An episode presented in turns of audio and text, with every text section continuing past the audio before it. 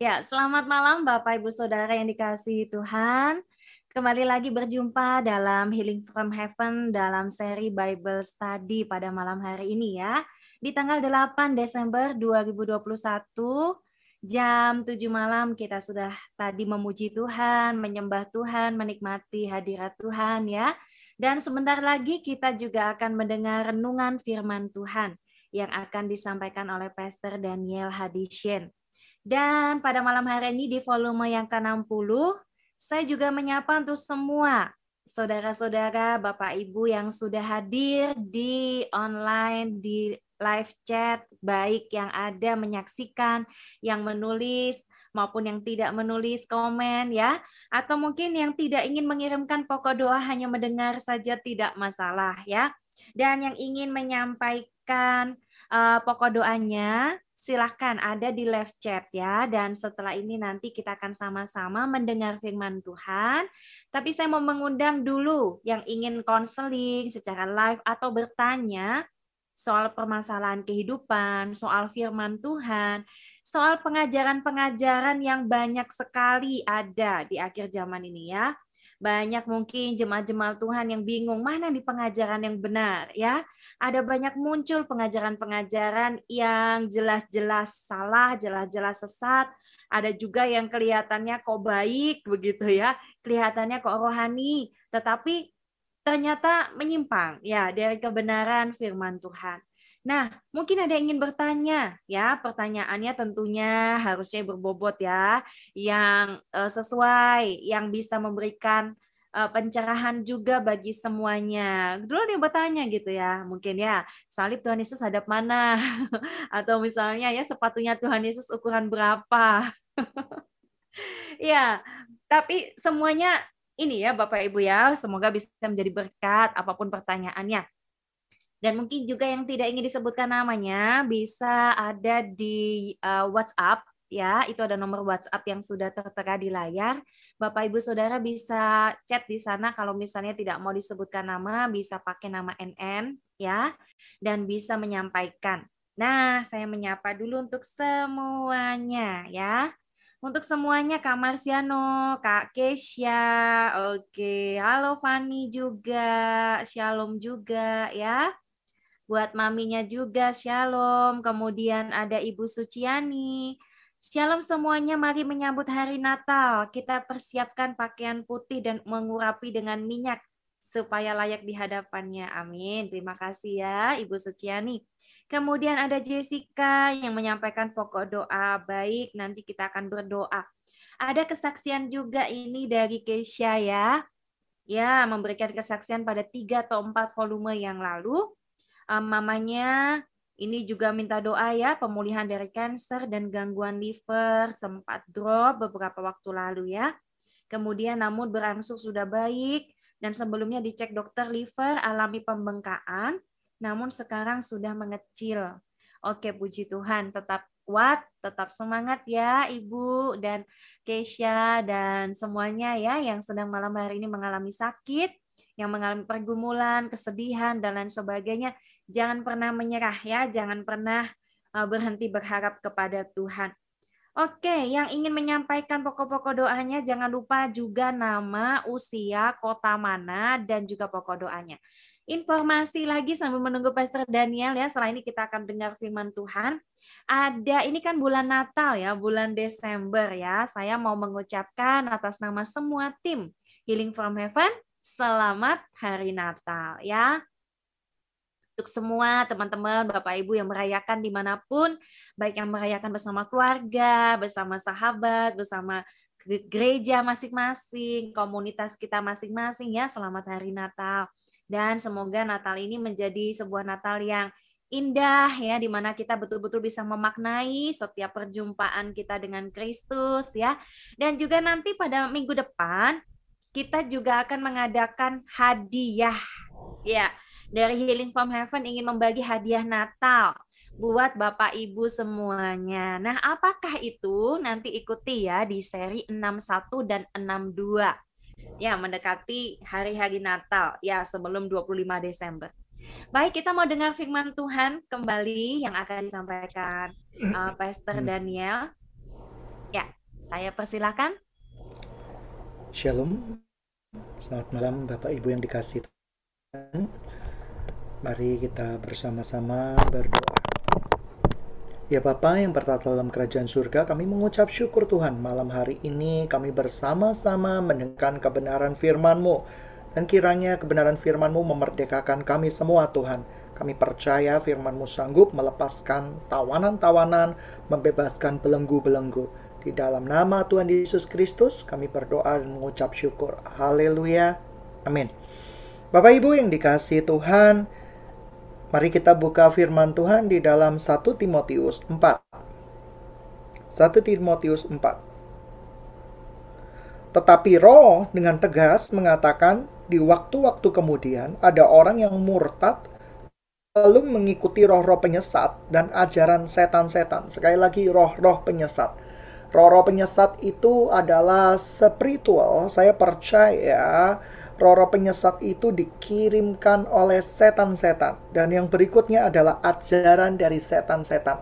Dunia ini tidak lepas daripada uh, kebenaran firman Tuhan, tapi dunia ini juga tidak lepas dari begitu banyak penyesatan-penyesatan yang ada. Oleh karena itu, Bapak Ibu, adik-adik yang dikasih Tuhan, mari kita berhati-hati sekali. Yang kedua, oleh tipu daya pendusta-pendusta yang hati nuraninya memakai cap mereka. Jadi Timotius ini menghadapi siapa? Roh-roh penyesat yang pertama. Roh-roh penyesat itu menyesatkan pikiran manusia berdasarkan tidak lagi berdasarkan kebenaran firman Tuhan, tetapi mereka berdasarkan pembenaran pribadi. Yang kedua itu ajaran setan-setan yang jelas-jelas bertentangan dengan kebenaran firman Tuhan. Yang ketiga adalah orang-orang yang dipakai setan, yang dipakai oleh roh-roh penyesat itu untuk menyesatkan banyak orang.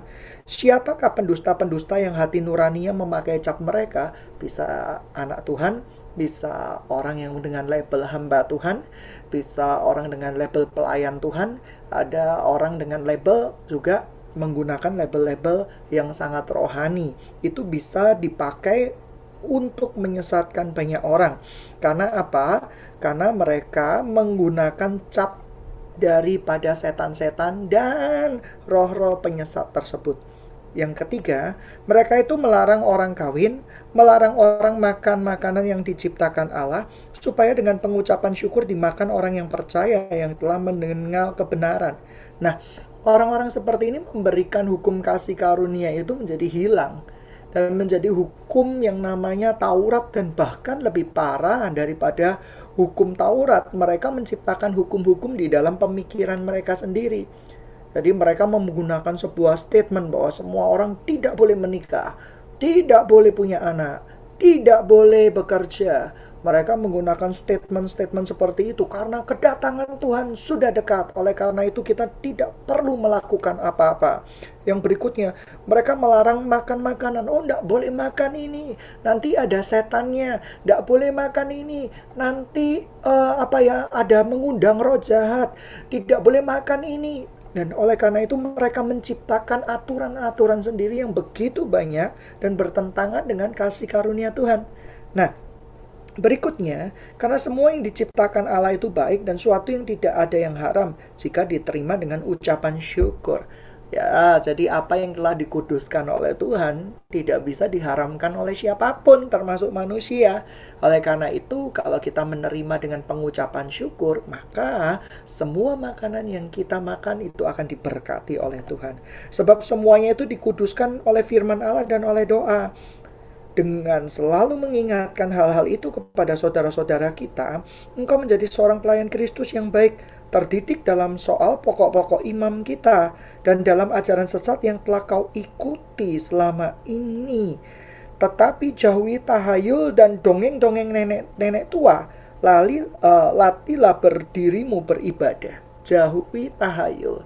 cari tahayul itu contoh seperti ini. Kalau masuk rumah permisi dulu gitu ya, walaupun rumahnya kita harus permisi dulu. Kalau masuk sebuah hutan harus permisi dulu. Masuk sebuah rumah kuno permisi dulu, permisi sama penghuni-penghuninya, penunggu-penunggunya banyak loh anak-anak Tuhan yang mengajarkan ajaran-ajaran dongeng, ajaran-ajaran yang di luar kebenaran firman Tuhan dan digemari oleh banyak orang walaupun cerita dongeng, cerita juga uh, banyak sekali cerita-cerita yang bertentangan dengan kebenaran firman Tuhan, cuplik firman Tuhan kiri dan kanan, lalu juga sudah menggunakan pemikiran sendiri, akhirnya diklaim itu dari Tuhan itu berbahaya sekali. Pengajar-pengajar palsu ini selalu mengajarkan sesuatu yang bertentangan dengan firman Tuhan tetapi secara halus, tidak terus terang. Ya, sekali lagi secara harus orang akan dinina bubukkan dengan cerita dan bualan-bualan yang dia ciptakan sendiri bahwa dia berperang dengan iblis, dia menggunakan pedang dan yang lain-lain yang bertentangan dengan kebenaran firman Tuhan ya. Dikatakan bahwa 8 latilah badani terbatas gunanya. Tetapi ibadah berguna dalam segala hal jikalau mengandung janji, baik untuk hidup yang sekarang maupun hidup yang akan datang. Perkataan ini benar dan patut diterima sepenuhnya. Itulah sebabnya kita berjernih payah dan berjuang karena kita menaruh pengharapan kita kepada Allah yang hidup, juru selamat semua manusia terutama mereka yang percaya. Nah, Bapak Ibu yang dikasih Tuhan, ada satu keluarga yang sedang mengalami permasalahan berat. Mereka mau bercerai. Lalu herannya orang tuanya mempermasalahkan tanggal pernikahan ya. Karena tanggal pernikahannya tanggal 13 itu angka sial ya. Mereka juga harinya tidak bagus dan yang lain-lain. Jadi mereka percaya bahwa ada hari-hari sial ada hari-hari di mana Tuhan tidak berkenan. Padahal ini jelas-jelas berkentangan dengan kebenaran firman Tuhan. Tuhan menguduskan semua hari dan semua hari itu baik ya. Semua tanggal itu baik. Jikalau Yesus berserta dengan kita, saya percaya semua tanggal itu baik. Tetapi ada orang-orang tertentu yang percaya sedemikian rupa yang percaya dengan tanggal, yang percaya dengan hari, yang percaya dengan jam, dan oleh sebab itu mereka ter apa ya memakai pikiran-pikiran sendiri dan mereka menggunakan pikiran-pikiran dongeng-dongeng nenek moyang dan mereka menyalahkan pernikahan yang sudah diberkati Tuhan gara-gara karena salah hari, salah jam dan yang lain-lain. Betapa mengerikannya jikalau orang-orang anak-anak Tuhan yang mengaku dirinya anak-anak Tuhan yang percaya kepada firman Tuhan katanya sih tetapi juga percaya dengan dongeng-dongeng dan tahayul-tahayul seperti itu. Ini mengerikan sekali. Dan parahnya juga kalau ada anak-anak Tuhan pelayan-pelayan Tuhan yang menggunakan dongeng dan tahayul itu sebagai sumber kebenaran firman Tuhan lain lagi ceritanya jikalau kita diperingati Tuhan. Misalnya, kita mau berpergian, kita ada rasa tidak damai sejahtera. Tuhan berkata, "Jangan pergi terlebih dahulu," dan kita ikuti tuntunan Tuhan. Itu berbeda sekali, tetapi konteks di pada 1 Timotius 4 ini yaitu dongeng-dongeng nenek moyang, pengajar-pengajar palsu, pengajar-pengajar sesat yang membuat sebuah apa ya aturan-aturan bagus demikian rupa sehingga tidak boleh dilanggar. Dulu ketika apa ya saya pernah melayani pernikahan orang mereka berkata wajar mereka ini berperang mulut karena apa selisihnya tiga tahun 6 tahun dan 9 tahun. Kalau tiga tahun 6 tahun 9 tahun pasti perang mulut. Apa-apaan? Lucunya uh, orang tuanya adalah orang yang sangat cinta Tuhan yang katanya belajar kebenaran firman Tuhan. Tetapi percaya dengan hal-hal seperti ini ini mengerikan sekali. Tuhan jelas-jelas menentang pengajar-pengajar seperti ini karena apa? Pengajar-pengajar seperti ini e, mereka mempercayai dongeng nenek moyang, menceritakan bualan-bualan mereka sendiri dan hati menurani mereka sudah dicap oleh capnya iblis sudah disesatkan tujuannya untuk menyesatkan domba-domba yang harusnya digembalakan. Dan hari-hari ini banyak gembala-gembala yang tidak menggembalakan domba-dombanya, tetapi malah berternak atas domba-dombanya. Menggembalakan beda dengan berternak. Tapi hari-hari ini banyak orang-orang yang berternak. Artinya apa? Memeras domba-dombanya, menjadikan domba-dombanya itu adalah apa ya warga kelas 2 kalau gembala itu adalah warga kelas pertama sehingga mereka tidak lagi mengarahkan domba-dombanya mengalami perjumpaan yang benar dengan Kristus Tuhan, tetapi malah dibuat bergantung dengan gembalanya. Nah, ini berbahaya sekali. Oleh karena itu, anak-anak Tuhan itu harus diarahkan untuk pengenalan Kristus yang benar. Jadi kalau bekerja, marilah bekerja sungguh-sungguh dengan mati-matian bekerja keras karena karena Kristus bukan untuk gembalanya, bukan untuk orang-orang yang dia. Nah, berikutnya 10 itu sebabnya kita berjernih payah dan berjuang karena kita menaruh pengharapan kita kepada Allah yang hidup, juru selamat semua manusia, terutama mereka yang percaya.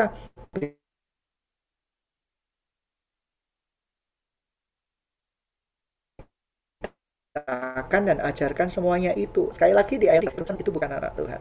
Setiap anak Tuhan yang berhitung-hitungan waktu dengan Tuhan, dia bukan anak Tuhan.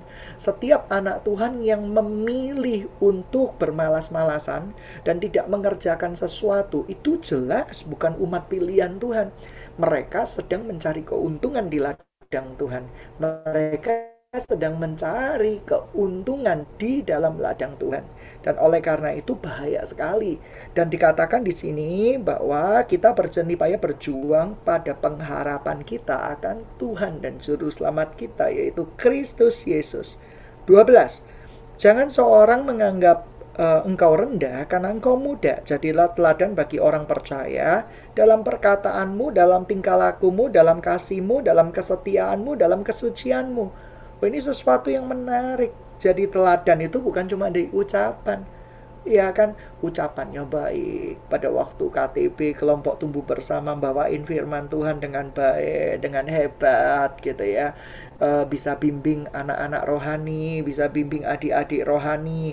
Tetapi e, di setia di dalam perkataan saja, tapi tidak setia di dalam tingkah laku. Tingkah lakunya gitu ya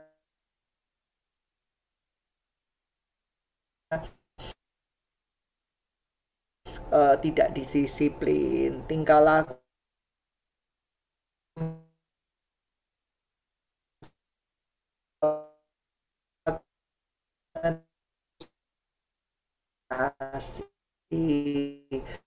Yani. Kalau uh, nan dia kebetulan ngajar kalau nggak ngajar nggak datang. Jadi nggak ada kesetiaan sama sekali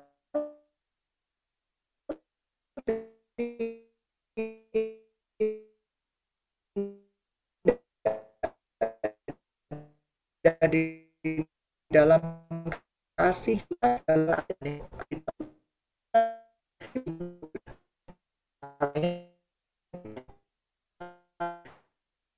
benar-benar mengajak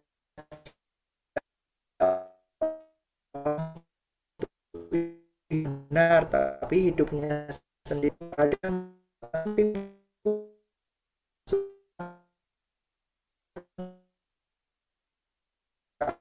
kalau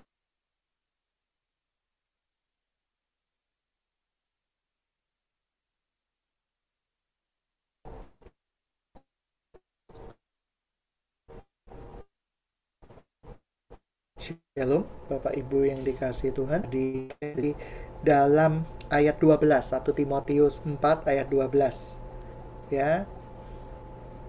Saya bacakan sekali lagi 1 Timotius 4 ayat 12 Jangan seorang pun menganggap engkau rendah karena engkau muda.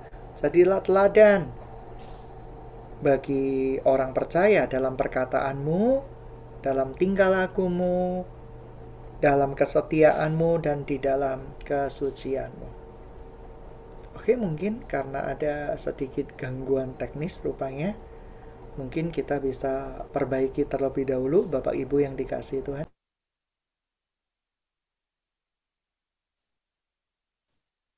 Ya, selamat malam. Masih kembali lagi ya dalam Healing from Heaven. Mohon maaf tadi kelihatannya Pastor Daniel ada sedikit gangguan signal begitu. Bagaimana Pastor Daniel? Tadi pas seru-serunya nih ya. Baik. Tadi pas seru-serunya, tapi tiba-tiba mungkin karena hujan di daerah Oh, saya hujan lagi hujan ya. tiba-tiba ya kalau hujan itu biasanya signalnya drop dan terpental. Inilah kelemahan di dalam sosial media sangat bergantung sekali dengan uh, WiFi ya, sangat bergantung sekali dengan uh, Jaringan. data uh, data seperti itu, jaringan Ya, dan yang lain-lain. Jadi walaupun walaupun kebetulan tempat ini cukup blank spot, sehingga menggunakan menggunakan data juga kelihatannya juga nggak terlalu bagus juga seperti itu. Tapi syukurlah di dalam semua kelemahan, di dalam semua keterbatasan Tuhan bekerja dan Tuhan mau menyempurnakannya. kuasa Tuhan bekerja. Amin Seperti ya, itu. seperti kemarin. Ya, bagaimana Pastor Daniel masih ingin ada yang sesuatu yang mau disampaikan? Silahkan ya. Ada ada beberapa yang perlu ditambahi Ya, saja bahwa di dalam bahwa kita itu harus menjadi teladan di dalam perkataan, teladan di dalam tingkah laku, dalam kasih, dalam kesetiaan, dan dalam kesucian. Nah, anak-anak Tuhan jangan hanya jadi teladan di dalam ucapan, mudah jadi teladan dalam ucapan. Kita pergi berkhotbah, kita sudah seakan-akan menjadi makhluk suprarohani, super rohani. Tetapi apakah engkau menjadi teladan di dalam tindakan? Apakah engkau menjadi teladan di dalam kasih, di dalam kesetiaan, dan di dalam kesungguhan kepada Kristus Yesus, di dalam kesucian, kekudusan? Apakah kita mengajarkan kesucian, kekudusan, tapi hidup kita juga nggak benar, nggak kudus, nggak suci? Nah, oleh karena itu di dalam 1 Timotius 4 ini jelas-jelas dikatakan ada bahaya penyesat di gereja Tuhan. Dan uh, sudah dijelaskan di ayat pertama penyesat itu di, diperoleh di pertama roh-roh penyesat, yang kedua setan-setan temannya, yang ketiga orang-orang yang menggunakan cap penyesat tersebut yang menggunakan meterai penyesat tersebut jadi orang-orang yang memang dengan jelas-jelas hati nuraninya udah rusak mungkin dia mengambil peranan yang baik dia mengambil peranan yang seakan-akan hidup benar hidup kudus tetapi tidak secara tidak langsung mengajarkan banyak orang begitu banyak kesesatan. Sehingga orang-orang tidak percaya lagi kepada Kristus Yesus secara penuh, tetapi Kristus Yesus dengan embel-embel, yaitu jangan pergi ke di hari Sabtu, uh, Sabtu, jangan menikah di tanggal 13. Jadi percaya kepada Kristus tetapi dengan embel-embel, dengan tambahan-tambahan tertentu. Itu bukan Yesus only, bukan saya percaya itu bukan sola Kristo di mana segala sesuatunya hanya untuk Kristus tentunya. Nah, banyak orang yang kepercayaannya itu ditambah-tambahi Nah, itu jelas-jelas penyesat karena Yesus itu lebih daripada cukup buat kita semua. Tetapi beda konteks apabila kita ini diingetin Tuhan, jangan berpergian pada uh, besok gitu ya. Kita ada diberi ketidakdamai sejahtera, terus tiba-tiba kita tidak pergi dan ternyata benar gunung meletus misalnya seperti itu itu adalah kepekaan pribadi dan berbeda konteks ini maksudnya adalah sudah di ditetapkan. Kalau tanggal 13 itu uh, itu sial. Kalau menikah menikah ganjil itu 369 itu uh, kelipatan tiga itu pasti sial pasti apa ya pasti uh, perang mulut dan yang lain-lain. Tentu saja ini kepercayaan yang dibangun di dalam dongeng-dongeng dan uh, apa ya permasalahan yang ditimbulkan oleh nenek moyang yang tidak pernah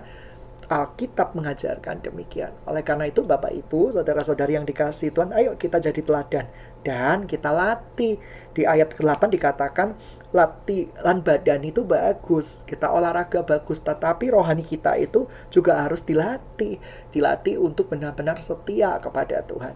Jadi kalau kita melayani Tuhan, melayani Tuhan dengan segenap kekuatan, segenap jiwa, segenap akal budi. Mungkin kita boleh letih, kita boleh capek, tapi melayani Tuhan itu dengan segenap hati, segenap tenaga, segenap kekuatan, segenap akal budi. Dan kita percaya sama Tuhan bukan dengan berdasarkan pemikiran kita sendiri bahwa kita percaya bahwa kalau kita percaya sama Tuhan Yesus Kristus maka kita akan dimampukan menghadapi masalah-masalah yang Tuhan izinkan terjadi di dalam kehidupan kita.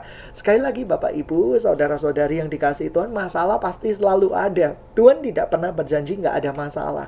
Ada yang berkata bahwa kalau ikut Tuhan itu masalah semuanya hilang, nggak ada, selalu sehat, nggak pernah sakit. Anda salah, Anda tersesat. Oh, ikut Tuhan masalah selalu ada. Ikut Tuhan Yesus, sakit pasti juga masih selalu ada. Tetapi bersama dengan Tuhan Yesus, kita dimampukan melewati masalah-masalah kita. Masalah-masalah yang tadinya kita nggak kuat, nggak bisa menghadapi. Tetapi bersama Yesus kita mampu dan kuat menghadapinya. Sakit penyakit yang tadinya kita nggak mampu kita lewati. Tapi bersama Yesus kita mampu dan kita kuat menghadapinya. Dan saya percaya kita harus percaya sama Kristus semata-mata. Jadi tidak boleh ada embel-embel. Percaya sama Kristus, tapi percaya juga dengan ritual-ritual, percaya dengan klinik-klinik, percaya dengan hari-hari tertentu yang uh, apa ya mengandung kesialan, tanggal-tanggal tertentu itu yang mengandung kesialan sehingga ada orang juga melahirkan bayinya nggak mau di tanggal 13 nggak mau di tanggal-tanggal tertentu karena nanti takut sial akhirnya disesar supaya bayinya keluar. Kita percaya kepada Kristus berdasarkan hal-hal dongeng nenek moyang dan itu kekejian di mata Tuhan. Dan hari ini mari kita lewat di dalam 1 Timotius 4 ini kita dibuat kuat kembali bahwa hidup kita dijamin oleh Tuhan. Kita ini benar-benar bergantung penuh sama Tuhan dan kita menyerahkan semua pemikiran kita, kepercayaan kita hanya kepada Kristus Yesus, bukan dengan membantah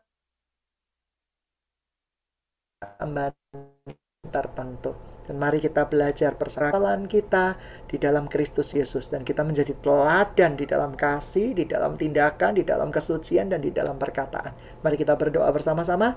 Ya Bapa yang bertata dalam kerajaan surga, kami mengucap syukur kebenaran-Mu itu memerdekakan kami semua dan biarkan kami Tuhan memperoleh kemerdekaan penuh di dalam Kristus Yesus dan kami percaya mengikut Engkau, kami tidak akan pernah sia-sia hidup kami. Dalam nama Tuhan Yesus Kristus kami berdoa dan mengucap syukur. Haleluya. Amin.